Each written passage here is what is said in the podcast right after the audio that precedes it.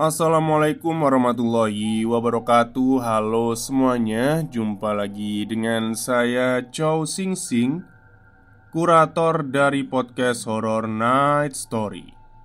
Halo apa kabar semuanya? Semoga kalian semua sehat-sehat ya. Uh, Mohon maaf sebelumnya kalau dua hari kemarin uh, tidak upload ya Karena memang sibuk juga Sebenarnya kemarin malam mau upload, cuman ada acara di pengajiannya Blitar Gus Ikdam, jadi nggak upload dulu lah. Tapi hari ini saya udah kembali mengudara ya. Dan pada hari ini saya kembali dan akan membawakan sebuah cerita berjudul Silly. Dan cerita ini ditulis oleh Mbak Cinta Kirana. Oke, daripada kita berlama-lama, mari kita simak ceritanya. Walau cerita ini di luar nalar dan tidak bisa dicerna oleh logika, tapi cerita ini benar-benar terjadi di dekat lingkungan saya ketika saya duduk di bangku SD. Saya memutuskan untuk menulis cerita ini di Twitter ibu saya menceritakan kembali peristiwa yang pernah menggegerkan itu. Demi kenyamanan semua pihak, detail tempat dan tokoh akan saya samarkan. Dalam cerita ini, saya menambahkan beberapa improvisasi agar pembaca dapat memahami alurnya. Kamis pukul 10 malam, Bunur sedang membereskan beberapa peralatan kebidanannya dan bersiap untuk beristirahat. Bunur adalah seorang bidan yang membuka praktek di kediamannya di daerah pinggiran kota Bandung. Hari ini ia tidak terlalu sibuk karena hanya ada satu tiga orang ibu hamil yang memeriksakan kandungannya. Asisten Bunur sudah pulang sejak pukul 9 malam Kini Bunur hanya berdua dengan suaminya di rumah. Bunur memiliki satu orang anak, namun anaknya sedang kuliah kedokteran di luar kota dan tinggal di sana. Malam ini, hujan deras membasahi kota Bandung, membuat suhu udara kian menurun. Di antara riuhnya suara angin dan hujan, Bunur yang sedang terlelap dalam tidurnya terbangun karena mendengar suara bel yang ditekan berulang-ulang dengan suara ketukan nyaring dari arah pintu depan. Dilihatnya, suaminya masih tertidur. Jam dinding menunjukkan pukul 12 malam lewat 5 menit. Bagi seorang bidan, Bunur harus bersiap 24 jam untuk menangani pasien yang akan datang. Ia pun bergegas menuju pintu depan, melihat siapa yang datang melalui jendela, dan segera membukakan pintu. Kini di hadapannya, seorang wanita berdiri dengan tubuh yang sudah basah kuyup. Satu tangannya memegangi perut yang sedang mengandung, dan tangan lainnya memegangi tembok mencoba menyeimbangkan kakinya untuk berdiri. Ia nampak gemetaran, menahan badannya yang kesakitan dan tubuhnya yang menggigil kedinginan. Bunur yang melihat kondisi itu langsung memapah wanita itu masuk ke dalam rumah dan membaringkannya di atas kasur. Wanita itu terus-menerus merintih kesakitan sambil memegangi perutnya menahan hebatnya rasa sakit saat kontraksi. Berusaha untuk tidak panik, dengan sigap Bunur mengecek keadaan kandungan wanita itu yang sudah memasuki pembukaan akhir. Tak ada waktu untuk menghubungi asistennya dan menunggunya untuk datang. Bunur pun memutuskan membantu proses persalinan seorang diri. Bunur mengarahkan wanita itu untuk mengatur nafas, menariknya dalam-dalam, lalu mengeluarkan saat Bunur menginstruksikannya. Terlihat butiran keringat keluar dari kening wanita itu. ia berusaha sekuat tenaga melahirkan bayinya, walau dalam keadaan basah kuyup dan tubuh yang mendingin. Persalinan berjalan dengan lancar dan sangat cepat. Tak lama, tangis bayi memecah rasa tegang di ruangan itu dan berganti dengan rasa haru. Bayi dengan jenis kelamin laki-laki itu lahir dengan sehat dan lengkap. Bu Nur segera menyeka bayi itu dan meletakkannya di samping ibunya yang terbaring lemas. Tangisnya mulai meredah di samping sang ibu. Sang ibu menatap bayi itu dengan penuh kasih sayang dan rasa haru yang teramat sangat. Bu Nur melangkah pergi keluar ruang bersalin, meninggalkan bayi beserta ibunya untuk mengambilkan pakaian kering bagi sang ibu. Selang beberapa menit, Bu Nur kembali dengan pakaian kering, handuk, dan teh hangat di tangannya. Saat memasuki ruang bersalin, ia hanya mendapati sang bayi yang sedang tertidur di atas kasur tanpa ibunya.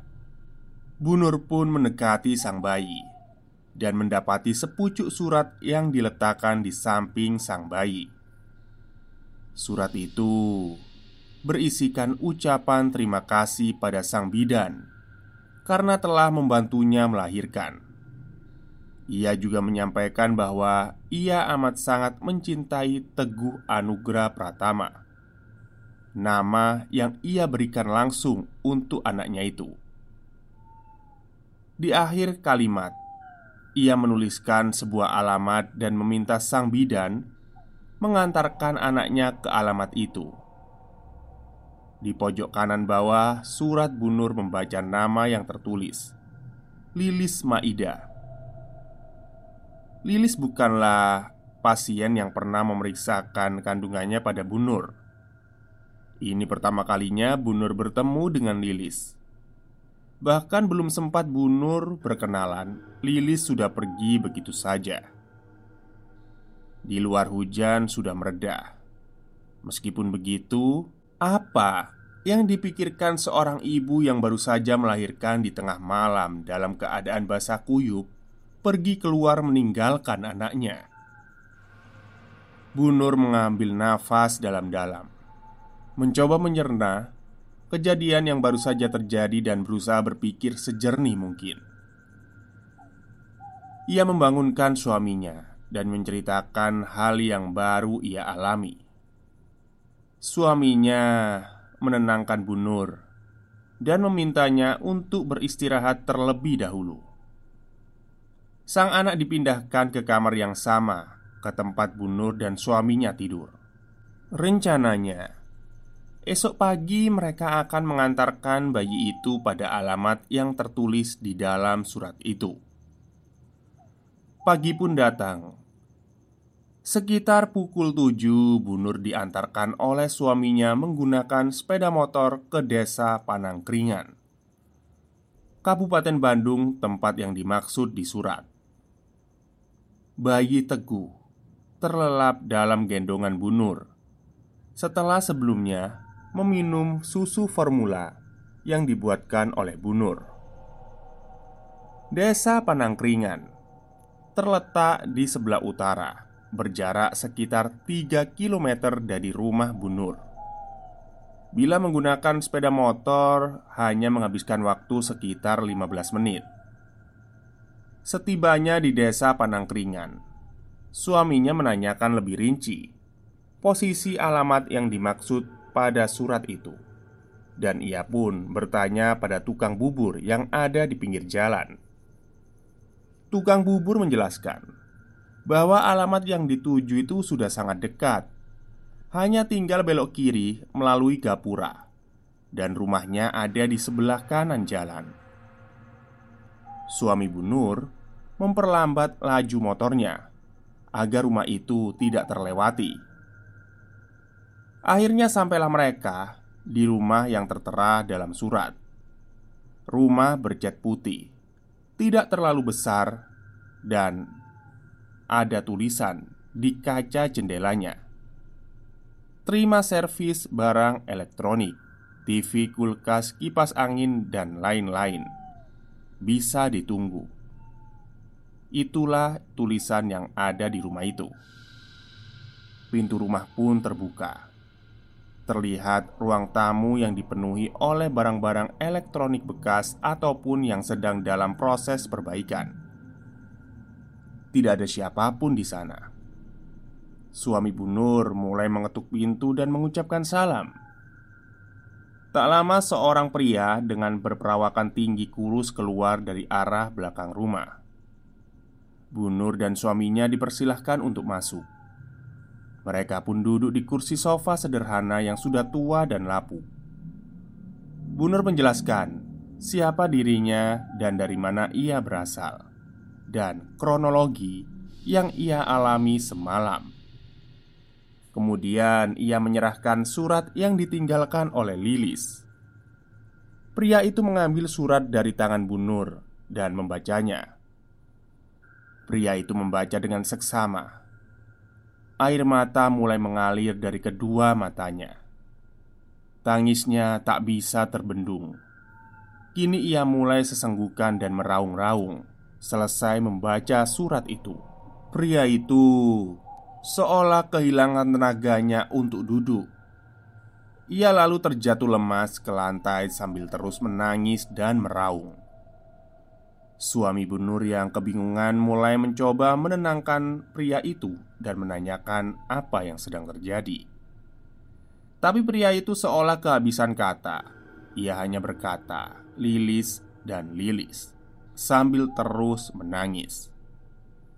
Suami Bu Nur menatap bingung Bu Nur, dan Bu Nur hanya memberi isyarat untuk menunggu sampai pria itu tenang. Setelah beberapa lama menangis, pria itu mulai mencoba menguasai dirinya. Ia menceritakan bahwa ia adalah suami Lilis. Ia membenarkan bahwa Lilis tengah mengandung dan berencana menamai anak mereka dengan nama Teguh Anugrah Pratama.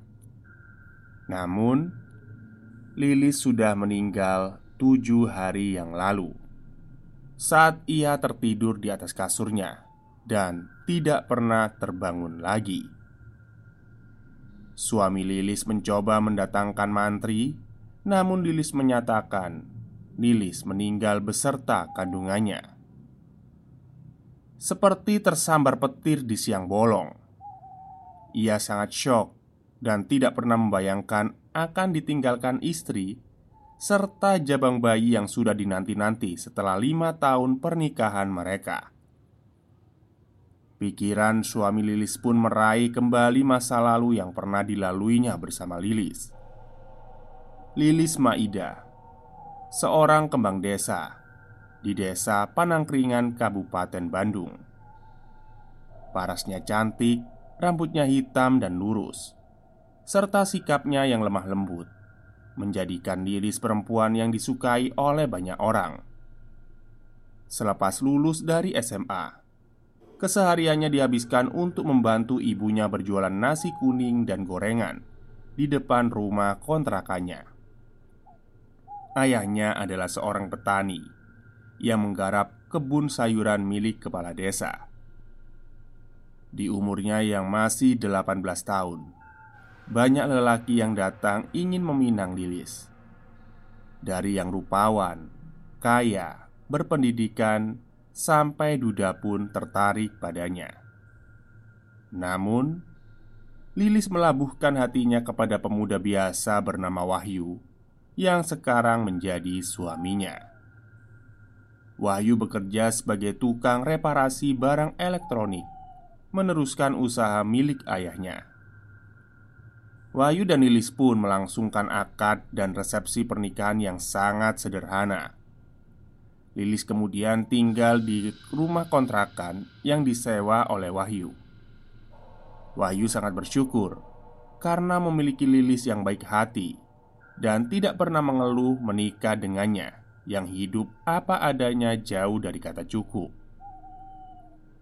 Hari-hari berganti menjadi bulan, kemudian berganti menjadi tahun, tapi ternyata mereka tak juga dikaruniai anak. Banyak tetangga yang mulai bergunjing dan berbicara seenaknya, menyatakan Lilis bahwa memang dia cantik, tapi mandul. Mendengar hal yang menyakitkan itu, tidak membuat Lilis merasa sedih. Ia tetap tegar dan merasa sudah sangat bahagia bisa menikah dengan Wahyu. Lima tahun berlalu. Akhirnya Lilis mengabarkan bahwa dirinya tengah hamil.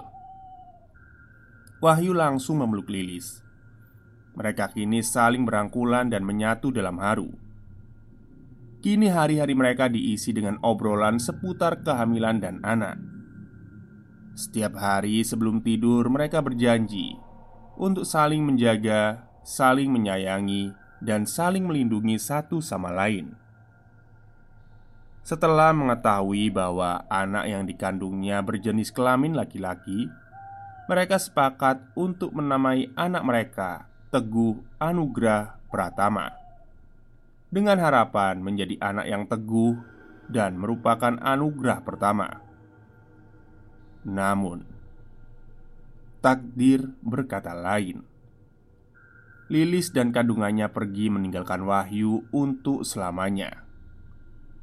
Jenazah Lilis dikafani beserta kandungannya dan dimakamkan di area pemakaman umum tempat di seberang jalan rumah Bunur.